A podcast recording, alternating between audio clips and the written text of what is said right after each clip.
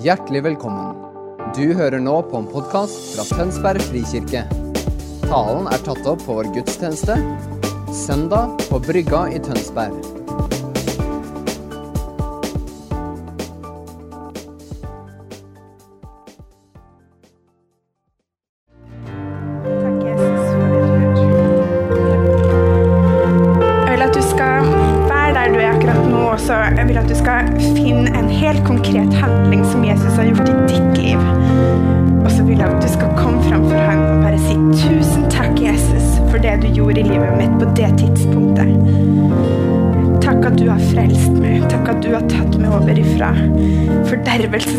Og satt meg over inn i livet og evigheten.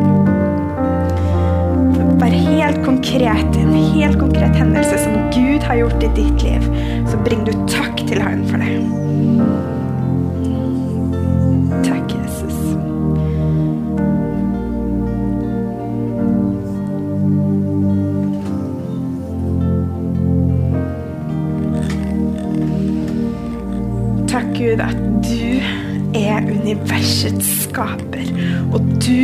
du holder alt oppe ved dine hender.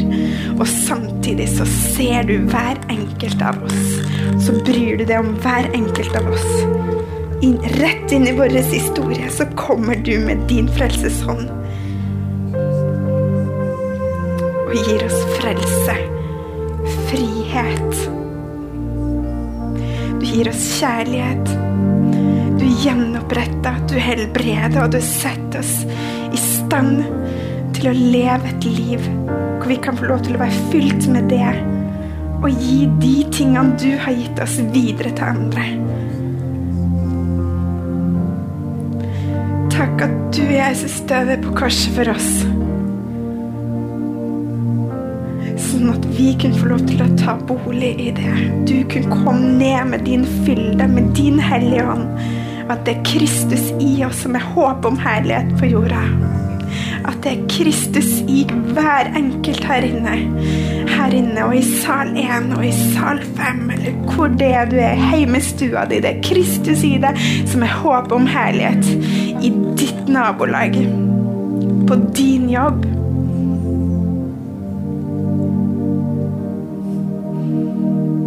At du er gitt alt du trenger for å være et lys og salt i verden der du lever. Du har gitt oss det. Og så takker deg også, Jesus, at vi kan få lov til å komme og være samla her i fellesskap. I kirka vår her i Tønsberg frikirke, på Brygga. Og få lov til å løfte opp blikket og tilbe det sammen. Ta imot det du har for oss. At vi i et fellesskap kan gi det vi har fått, til hverandre.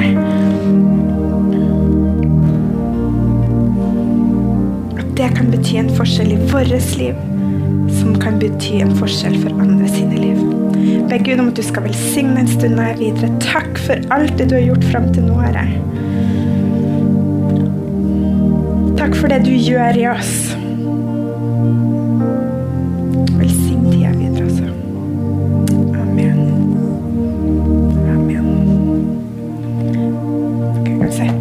Tusen takk, lovsangstime, for at dere tok oss fram for Guds trone. Kine, er du helt rå? Hør at det knirker her. Hører dere det? Det plaga meg. Og det er den her. Er det den dingsen her? Den fine øredobben min. Å nei. Det var bare den, ja. Men da har dere sett at jeg har sånne fine øreringer der. Takk skal du ha. Veldig fin, sa Vergløt. Det var det jeg trengte å høre. Men dere ser jeg har én der, da. Men du, fantastisk å være her. God søndag formiddag, ettermiddag. Hva er klokka nå? Ti over tolv, så da er det jo faktisk past uh, noon. Eh, det er så koselig å være her igjen. Jeg har jo lyst til å gå og klemme dere alle sammen. Jeg er jo litt sånn av meg. Men det får vi ikke lov til. Men det er i hvert fall veldig, veldig, veldig koselig å se dere. Og det var så gøy ute i går, eh, på Day of Fun på Storås.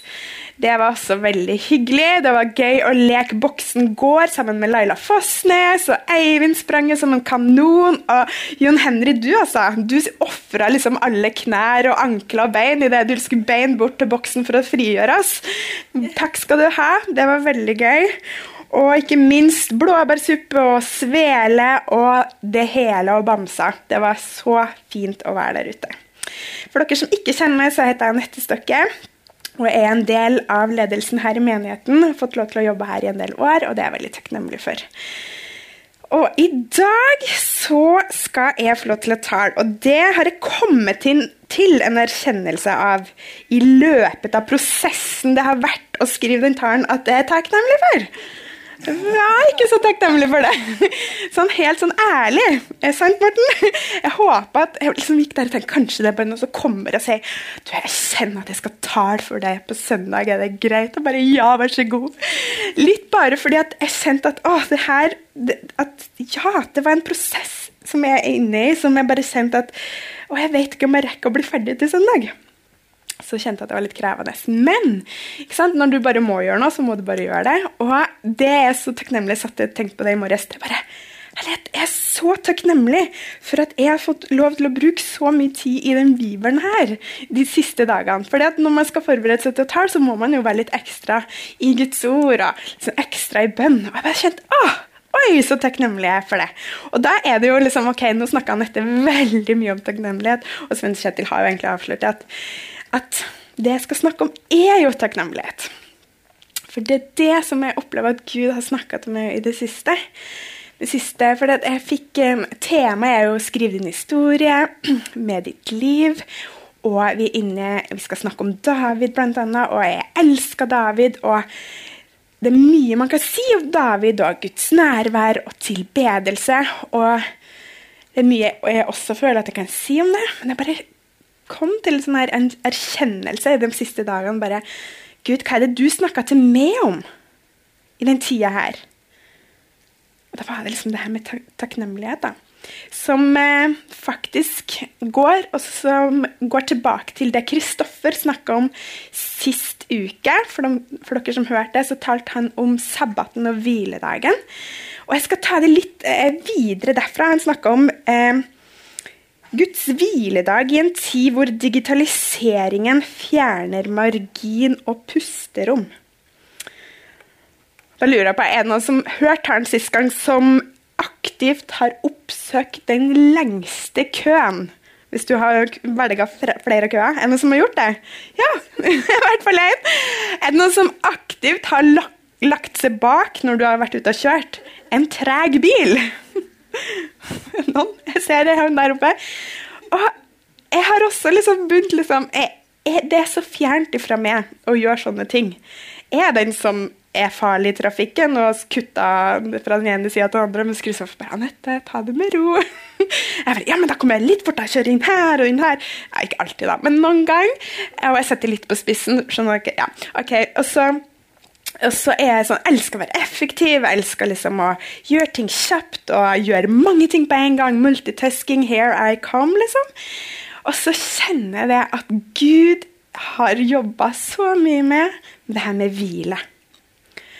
Og det starta jo, som mange av oss her, med koronaen, hvor ting bare bråbremsa. Og det her hamsterhjulet bare stoppa opp, og plutselig bare sjup, Og jeg bare kjente Oi! Hva gjør vi nå? Og jeg bare kjente det dirra litt i kroppen min når jeg ikke hadde noe å gjøre. Jeg hadde jo mye å gjøre, da. Jeg har masse unger å holde på med, og masse klær å vaske hele tida. Og masse kopper å vaske. Så jeg har mange ting å gjøre. Men skjønner dere? Ting bare stoppa opp. Og jeg opplevde Gud begynte å snakke til meg om hvile. Og litt i forkant av det her, Kristoffer fortalte jo litt av historien vår hvor han, han kom hjem i jeg tror det var desember eller januar, huska ikke helt om det var før eller etter jul.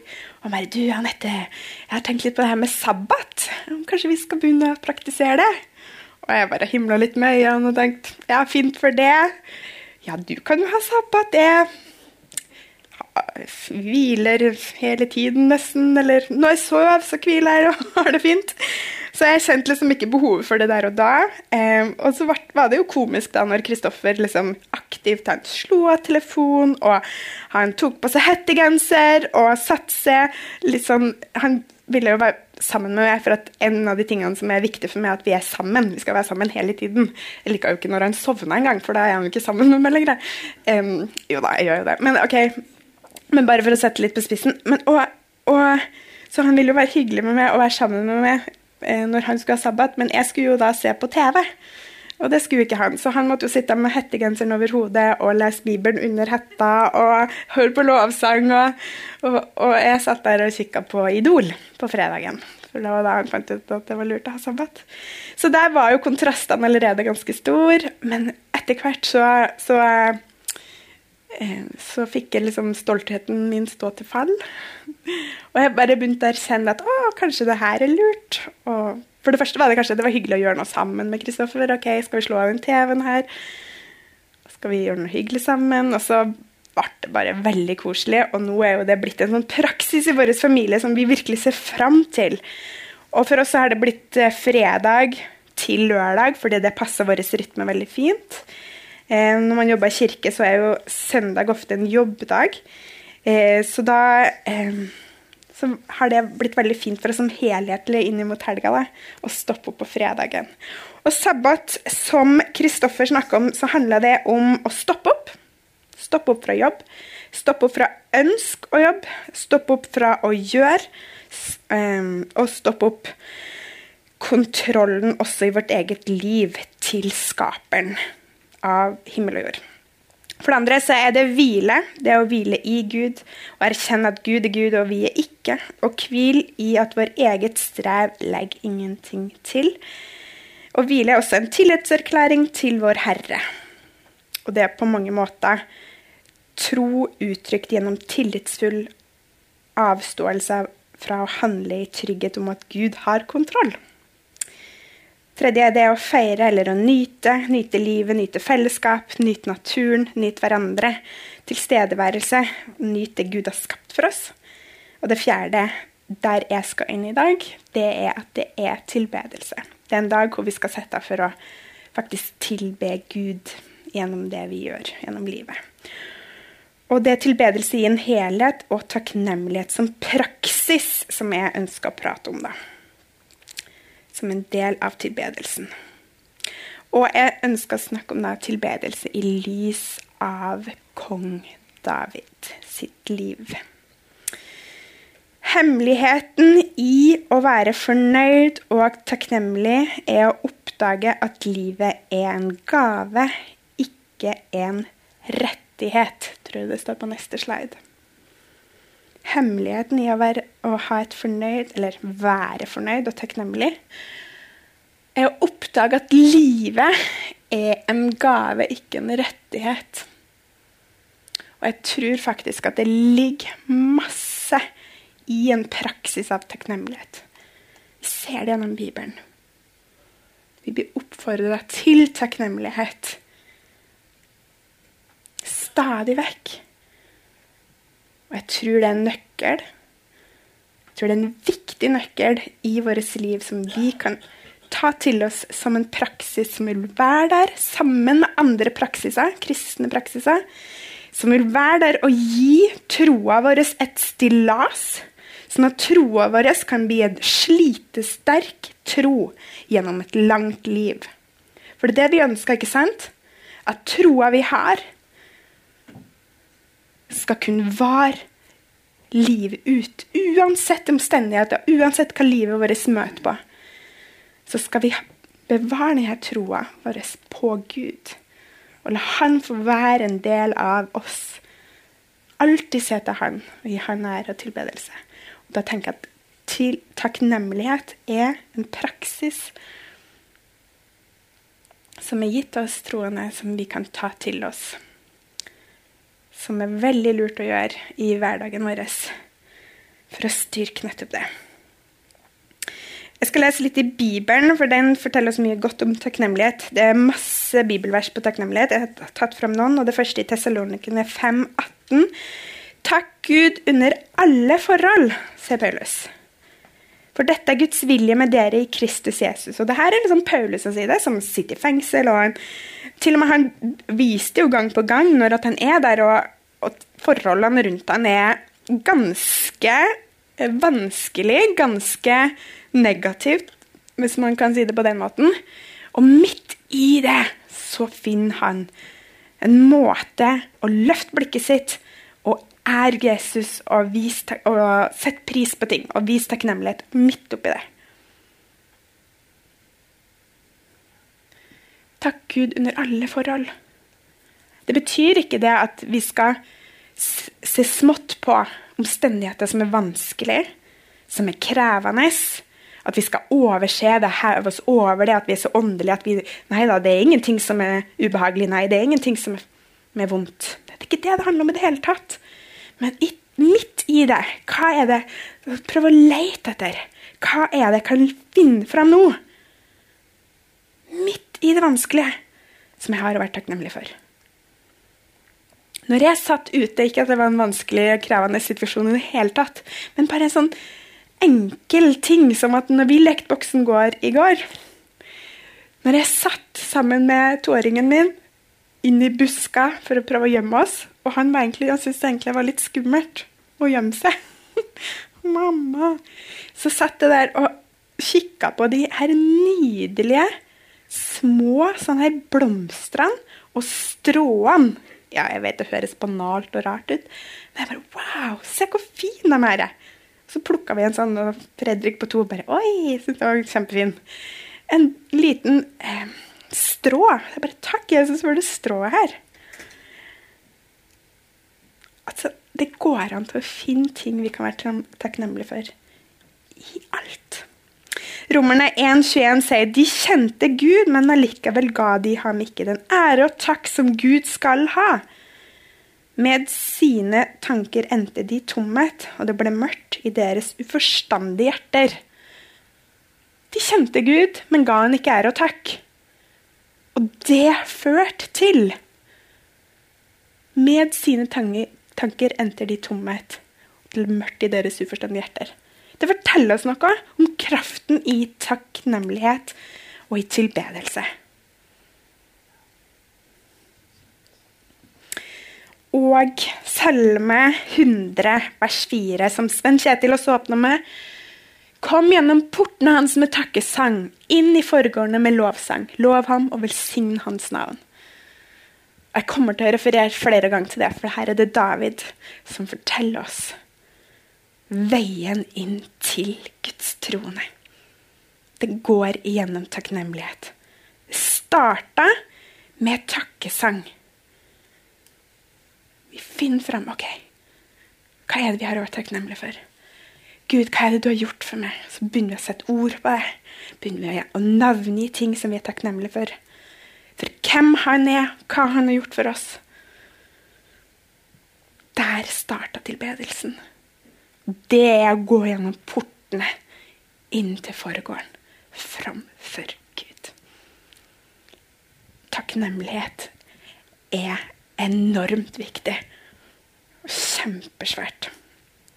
Jeg skal se litt på David elska kong David. Nå har vi prata masse om David hjemme, og da jeg har en David på fem år, snart seks, og han hele tida Hæ? Hæ? Snak. Hva sa du? Sa du om meg, mamma? Og så bare Nei, jeg sa det var kong David. Nei, du sa David. Ja, jeg mente kong David. Ja, han du er oppkalt etter. Å, jeg er oppkalt etter kong David. Ja, du er oppkalt etter kong David fra Bibelen. Så det er mye sånn David-prat hjemme hos oss, og det er kjempekoselig. Men David er jo da gjetergutten som ble utvalgt og kalt og salva til konge før han var, ble konge. Altså mange år, 17-20 år før han ble konge, så ble han salva. Da var han sånn rundt 10-13 år. Eh, og han regjerte i 40 år. Og han er en skikkelse som utmerka seg opp gjennom historien. Og kong Davids liv har hatt og har fortsatt en enorm stor innflytelse på, på, verden, og det har han hatt i flere tusen år. Tenk deg det! Én mann sitt liv. Vi leser salmene og sangene han skrev. for flere tusen år tilbake. Det er helt enormt. Og livet hans Vi kjenner livet hans og hans historie. Tenk deg, Se for deg en guttunge på ti år og det han gjør ute på marka. Han ble satt av sin pappa til å ta vare på sauene ute på markene. David har masse brødre, masse søsken.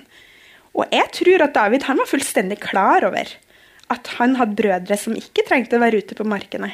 Vi vet ikke helt hva de gjorde, men de var hjemme på gården og hadde andre ting å sikkert gjøre på. Men David var den eneste som måtte være der ute. Og det her vet vi fordi at Samuel får oppgave, oppgave, profeten Samuel får oppgave fra Gud å salve en av sønnene til å, nå sto helt stille. Hva heter pappa? Israel. Isak. Isai. Sorry. Isai. Det var noe på i. Isai.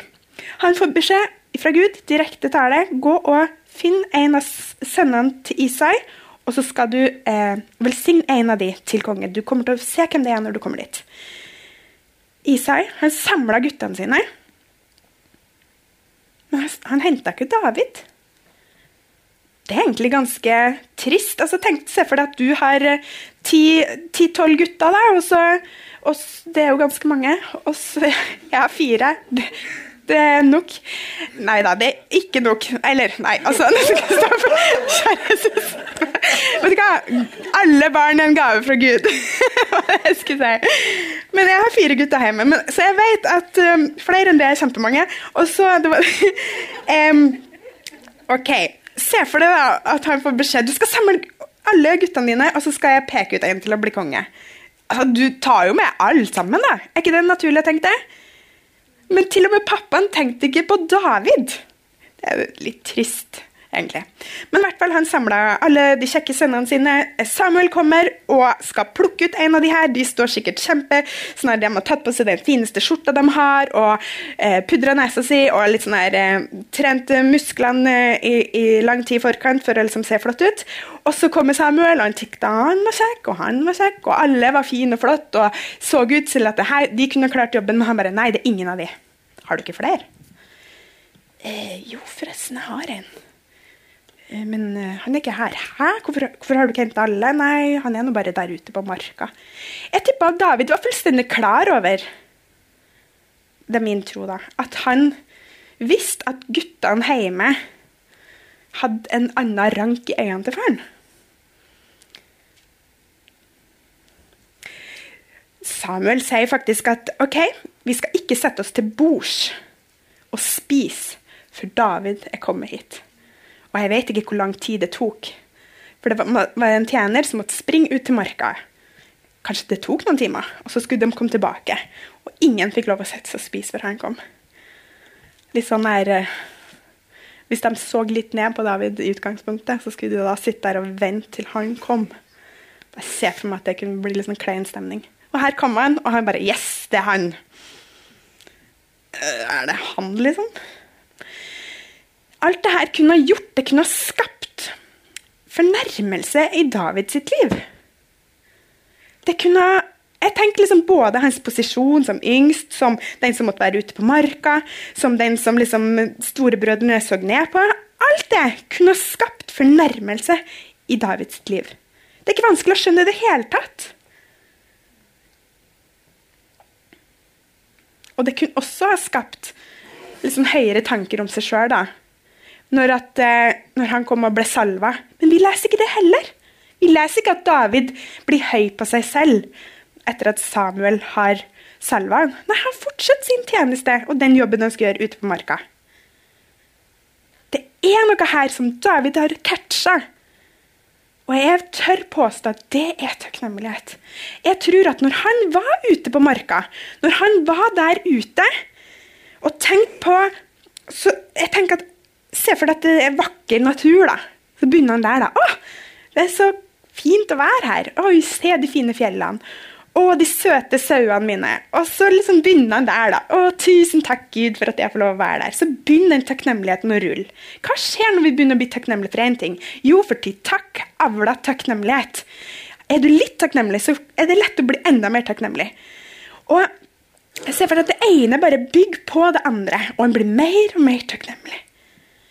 Og det som skjer, folkens, det vi vet skjer, er at David han erfarer Gud, og han får skapa seg, han skaper en relasjon til Gud gjennom takknemlighet. Takknemlighet som avla takk, som avla det her med at han begynner å tilbe Gud og prise han, som gjør at det skaper en relasjon mellom han og Gud, som faktisk egentlig ikke skulle ta sted før egentlig 1000 år seinere. Hvorfor kan jeg si det?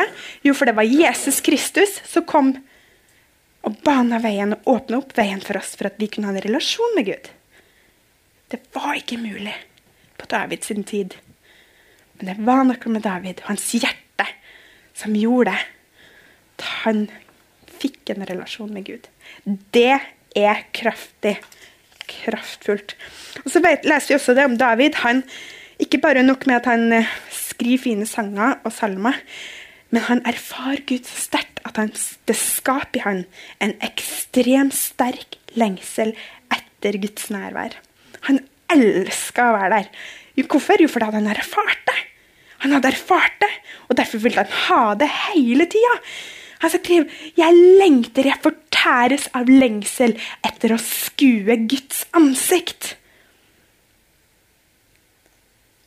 Man kan ikke lengte etter en sånn lengsel før du har erfart det. Og husker Kristoffer sa det forrige helg, så sa han at han starta her i vinter så starta han 'Jeg lengta etter å lengte'.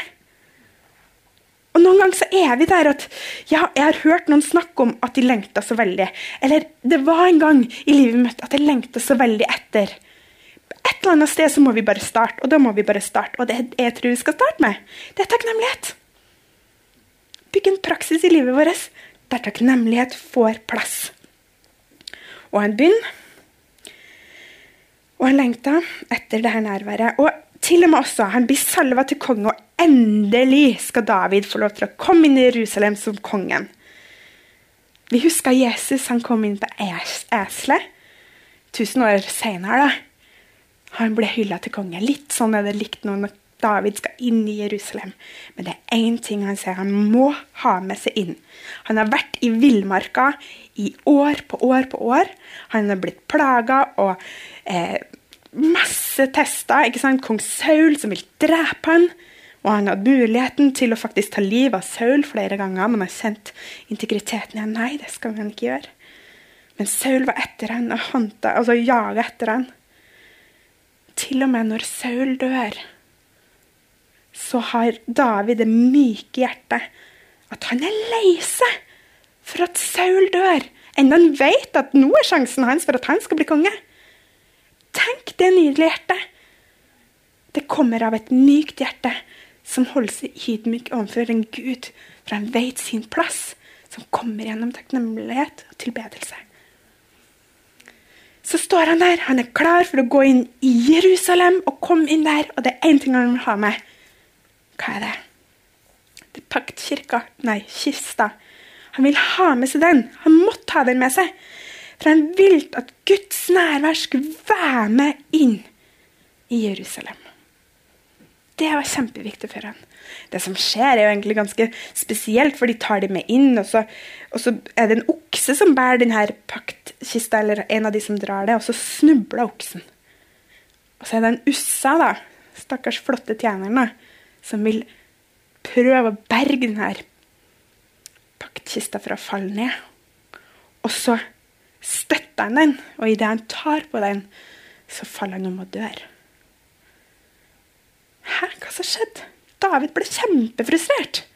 Det står at i tre måneder trakk David seg tilbake. Ussa betyr faktisk noe stødig og noe, eh, noe stødig, kjent og kontrollert. Og jeg har tenkt litt på den tida vi har vært i nå. Hva var det som skjedde der plutselig i mars? hvor alt det som var stødig kjent og kontrollert, plutselig var borte fra livet vårt. Så sto vi der, og så måtte vi trekke oss litt tilbake og spørre Gud, hva er det du egentlig gjør? Og David brukte tre måneder på å tenke Gud, hva er det du egentlig gjør? Før han kjente at Gud faktisk ville at denne paktkista skulle komme inn i Jerusalem. Det bildet kan vi utbrodere mye. Men Jeg skal ikke gå inn i det, men jeg syns det var fascinerende når jeg leste. det. Kan det være noe i tida vi lever i nå, at vi skal få lov til å ta et steg tilbake? Og så bare OK. Gud, ikke på det som vi klarer. Ikke på det som er kjent for oss, og det som vi opplever som, som vi gjør stødig og trygt. Men OK, på nytt skal vi bare sette vår lit til det. Stol på at det du har for oss, tar vi imot. Og i takknemlighet for at ting kanskje er i endring, at vi skifter, så tør vi å slappe av i det. At du har kontroll. OK. Takknemlighet tilbake til det. Jeg og Kristoffer satt en kveld og reflekterte over hva takknemlighet betyr for oss. Og vi kan knapt favne bredden i hva takknemlighet er. Men kanskje så ga refleksjonene våre noen innspill som kan belyses og gjøre noe også for dere. Og jeg har da åtte punkt som jeg skal gå gjennom. Jeg vet at tida flyr, Erlend, men jeg skal gjøre så godt jeg kan. For å komme i fem. Vi har den der, og så skal jeg Ser dere det? Jeg bare ser så nydelig, da. F-ene, ser dere dem? Takk skal dere ha. De er veldig fine. 1. det forankrer oppmerksomheten vår i det som er her og nå. Takknemlighet gjør oss til stede her og nå. Det hjelper oss å være til stede, og det er som en motvekt til Internett som ønsker å ta oss andre steder. Og det er digital valuta. Den digitale valutaen her i dag er oppmerksomheten din. Det beste vi kan gi, både til Gud, men også de menneskene rundt oss, er vår tid, vår fokus og vår tilstedeværelse. Og Det tror jeg takknemlighet er også med på å hjelpe oss inn i. To, det forsikrer hjertet vårt mot det med ha-syken, eller fotsyken når det kommer til båt. Jeg har hørt at liksom, du vil ha større og større fot på båten. Eh, og John Harry eh, Jowett, jeg vet ikke om jeg sa det riktig, en britisk predikant med stor innflytelse i forrige århundre, han sa hør her, takknemlighet er både en vaksine, en motgift og et rensemiddel. Kult! Det ser ganske mye. Tre, det forvalta velsignelser. Takknemlighet forvalta velsignelsene som vi har fått. Siri Iversen hun synt på 2030 for noen år tilbake. Kanskje noen av dere husker det og var der. Og da sa hun på Gitt Focus da, så sa hun at hun var kommet til et punkt i livet sitt da hun måtte spørre seg sjøl er livet en oppgave, eller er det en gave? Er det en oppgave som vi skal springe og gjøre, eller er det en gave som vi har fått? Bare kjenn etter den store forskjellen. Og begynn å være takknemlig for den gaven livet vi har fått, er. Det gjør noe med mindsetet vårt. Fire, det frigjør glede. Richard Foster, forfatteren av den kristne klassikeren 'Veier til glede', fremheva hva takknemlighet er i kjernen av den kristne tro. Lær deg å sette pris på skaperverket, skriver han. Kom nærmere jorden. Spaser så ofte du kan. Lytt til fuglene. Gled deg over detaljene i gress og blader. Kjenn dugget av blomstene. Nei, duften av blomstene. La deg forundre over rikdommen av farger overalt. Enkelt, enkelhet vil si å oppdage enda en gang at jorden og det som fyller den, alt hører Herren til. Takknemlighet gir oss glede. Fem. Det forvis misnøye og mismot. Vær ikke bekymret for noe, men legg alt dere har på hjertet framfor Gud, og be og kall på ham med takk. Filipperne 4,6. Takknemlighet tar oss ut fra, vår lille verden, der vi blir alene og isolert. Og det forvis misnøye, misnøye og mismot. Bare kjenn på det de gangene du kjenner nedtrykt. OK, hva har jeg egentlig vært takknemlig for her? Du vil kjenne at det Det du er takknemlig for da, det blir så svært at ja, OK, problemene er fortsatt der. Mest sannsynlig. Men OK, det som du er takknemlig for, livet, gaven du har fått, det blir så mye større. Det overskygger. Og jeg ville bare også eh, jeg, jeg søkte på internett, og da kom det opp at uh, det var en artikkel fra Harvard Business Review av en som heter David Distono fra 2018. Han forklarer hvorfor takknemlighet er så viktig i ledelse. Distino er en professor i psykologi og en forfatter av boken 'Emotional Success'. The Power of Gratitude, Compassion and Pride. Og hans forskning viser at det handler om å dyrke spesielt tre emosjoner fram. Takknemlighet, medfølelse og stolthet. Og i forskningen så fant han at mennesker som føler seg takknemlige, viser seg villig til å gjøre mer for å hjelpe andre, være mer lojal på bekostning av seg selv og dele gevinst likt med andre. Mennesker som føler seg takknemlige, også viser større tålmodighet knyttet til økonomiske fordeler. De er dobbelt så villige til å gi avkall på en umiddelbar fortjeneste for å investere i en langsiktig gevinst. Det er ganske kult. Takknemlighet fordriver bitterhet og hat. Bitterhet må gå når vi velger å se på det vi har å være takknemlige for. Når vi velger tilgivelsens vei i takknemlighet til det Jesus har gjort for oss. Den tilgivelsen han har gitt oss. Da fordrives bitterhet og hat.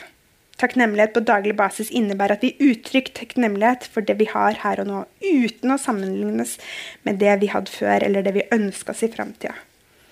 Det forløser fred. Takknemlighet uttrykt til vår himmelske Far i bønn for det vi har, gir en beroligende fred. Det er ganske fascinerende. En fred som gjør det mulig for oss å ikke forderve vår sjel med det vi ikke har. Åh, hvor mange ganger er du ikke der i hodet ditt? «Å, Jeg skulle bare ønske at jeg hadde den, eller jeg skulle bare ønske at det var der i livet, eller jeg skulle bare ønske at det ikke hadde skjedd, eller jeg skulle bare Og så begynner vi å telle velsignelsene og det vi har å være takknemlige for her og nå. Det drar oss tilbake. Det gjør noe med oss.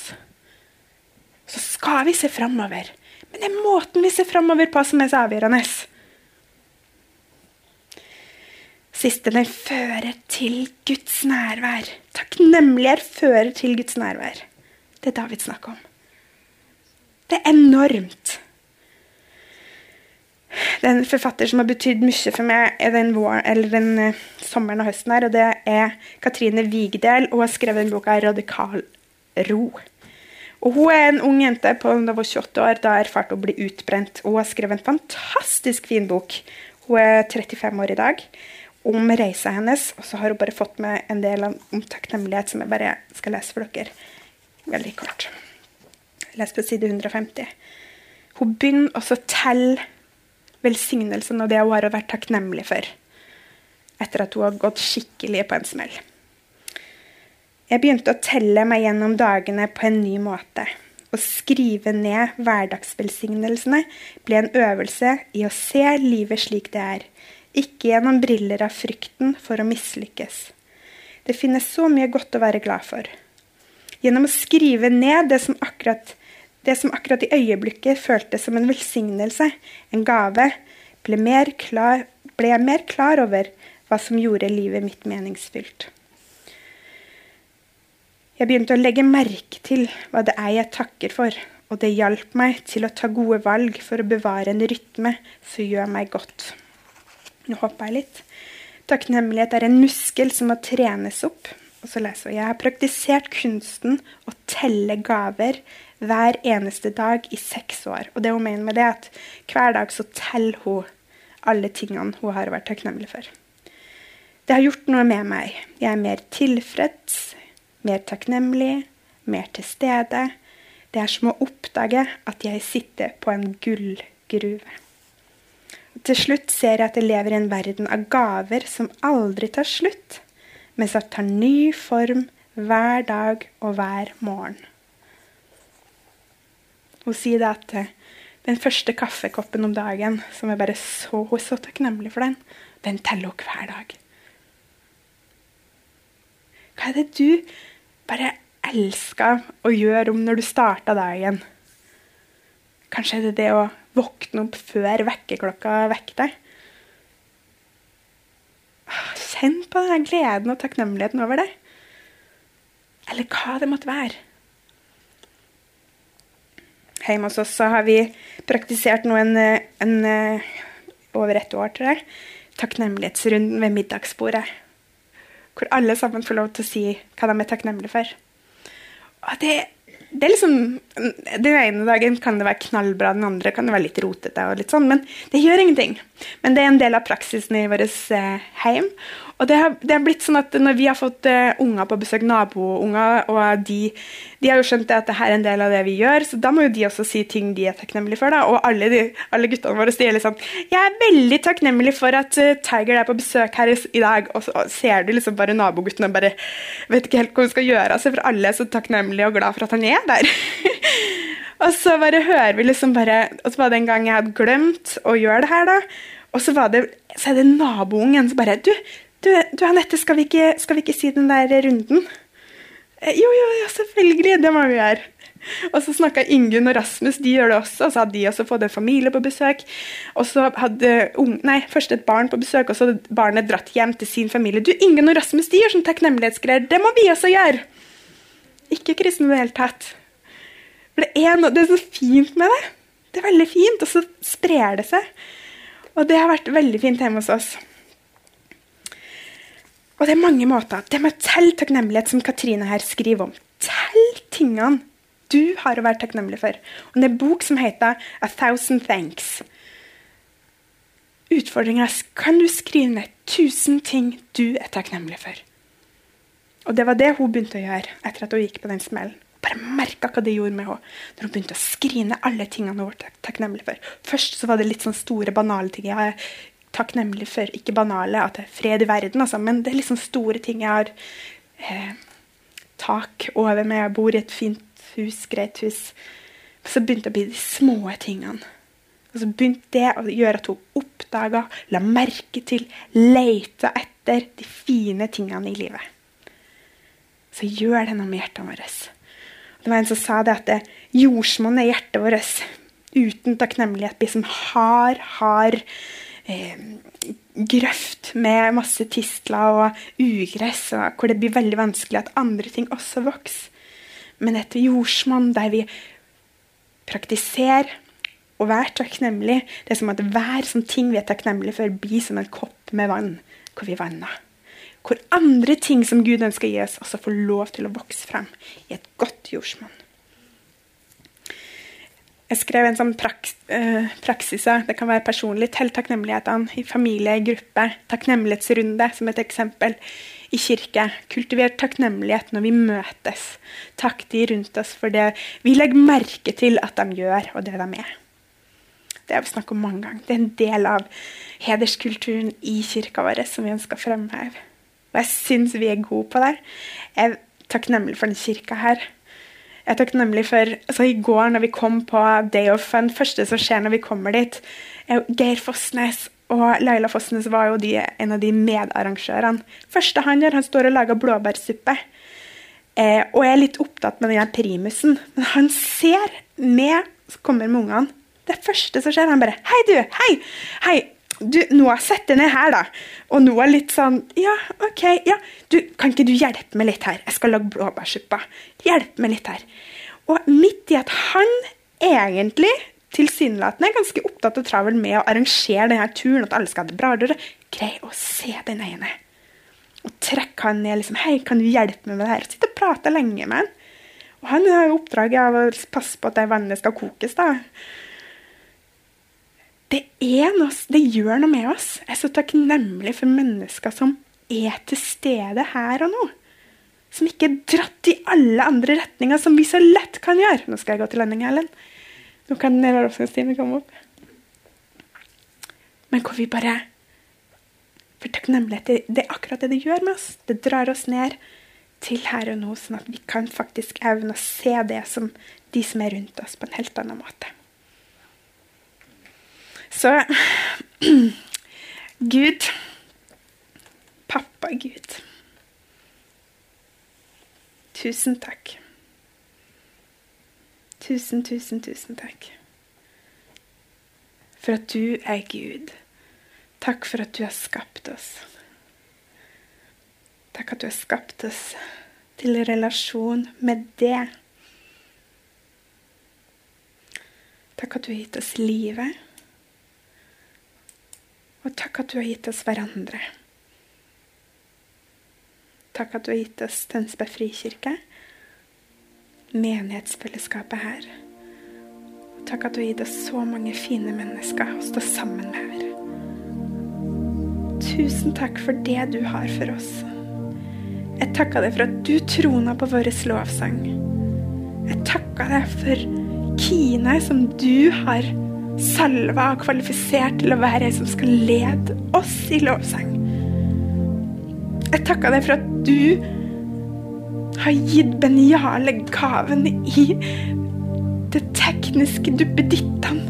Tusen takk for hjertet hans som stiller opp hver eneste søndag gang på gang, også når ting er slitsomt. Så stiller han opp. Takk, Gud, for at du har utvalgt han til det. At vi kan få lov til å ha han som en del av vårt fellesskap. Og takk også, Jesus, for du har gitt oss Den hellige ånd. Og at det er du som er i oss, er håpet om herlighet til den byen her og til den nasjonen her. Og takk, Jesus, at du har gitt oss alt det vi trenger for å være lys og salt i verden, til å gå ut og være et lys og salt i verden. Du hjelper oss videre, Herre Far. Og hjelp oss å bygge opp denne praksisen av takknemlighet i vårt liv.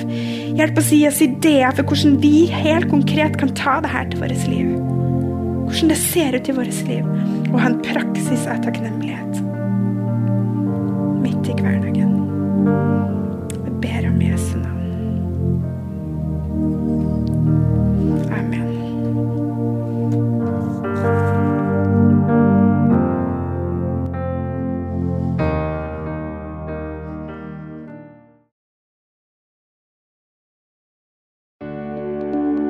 For at du hørte på vår podkast. Har du spørsmål eller ønsker du å vite mer? Søk oss på vår nettside tonsbergfrikirke.no. Du er også velkommen til kirke på Brygga i Tønsberg.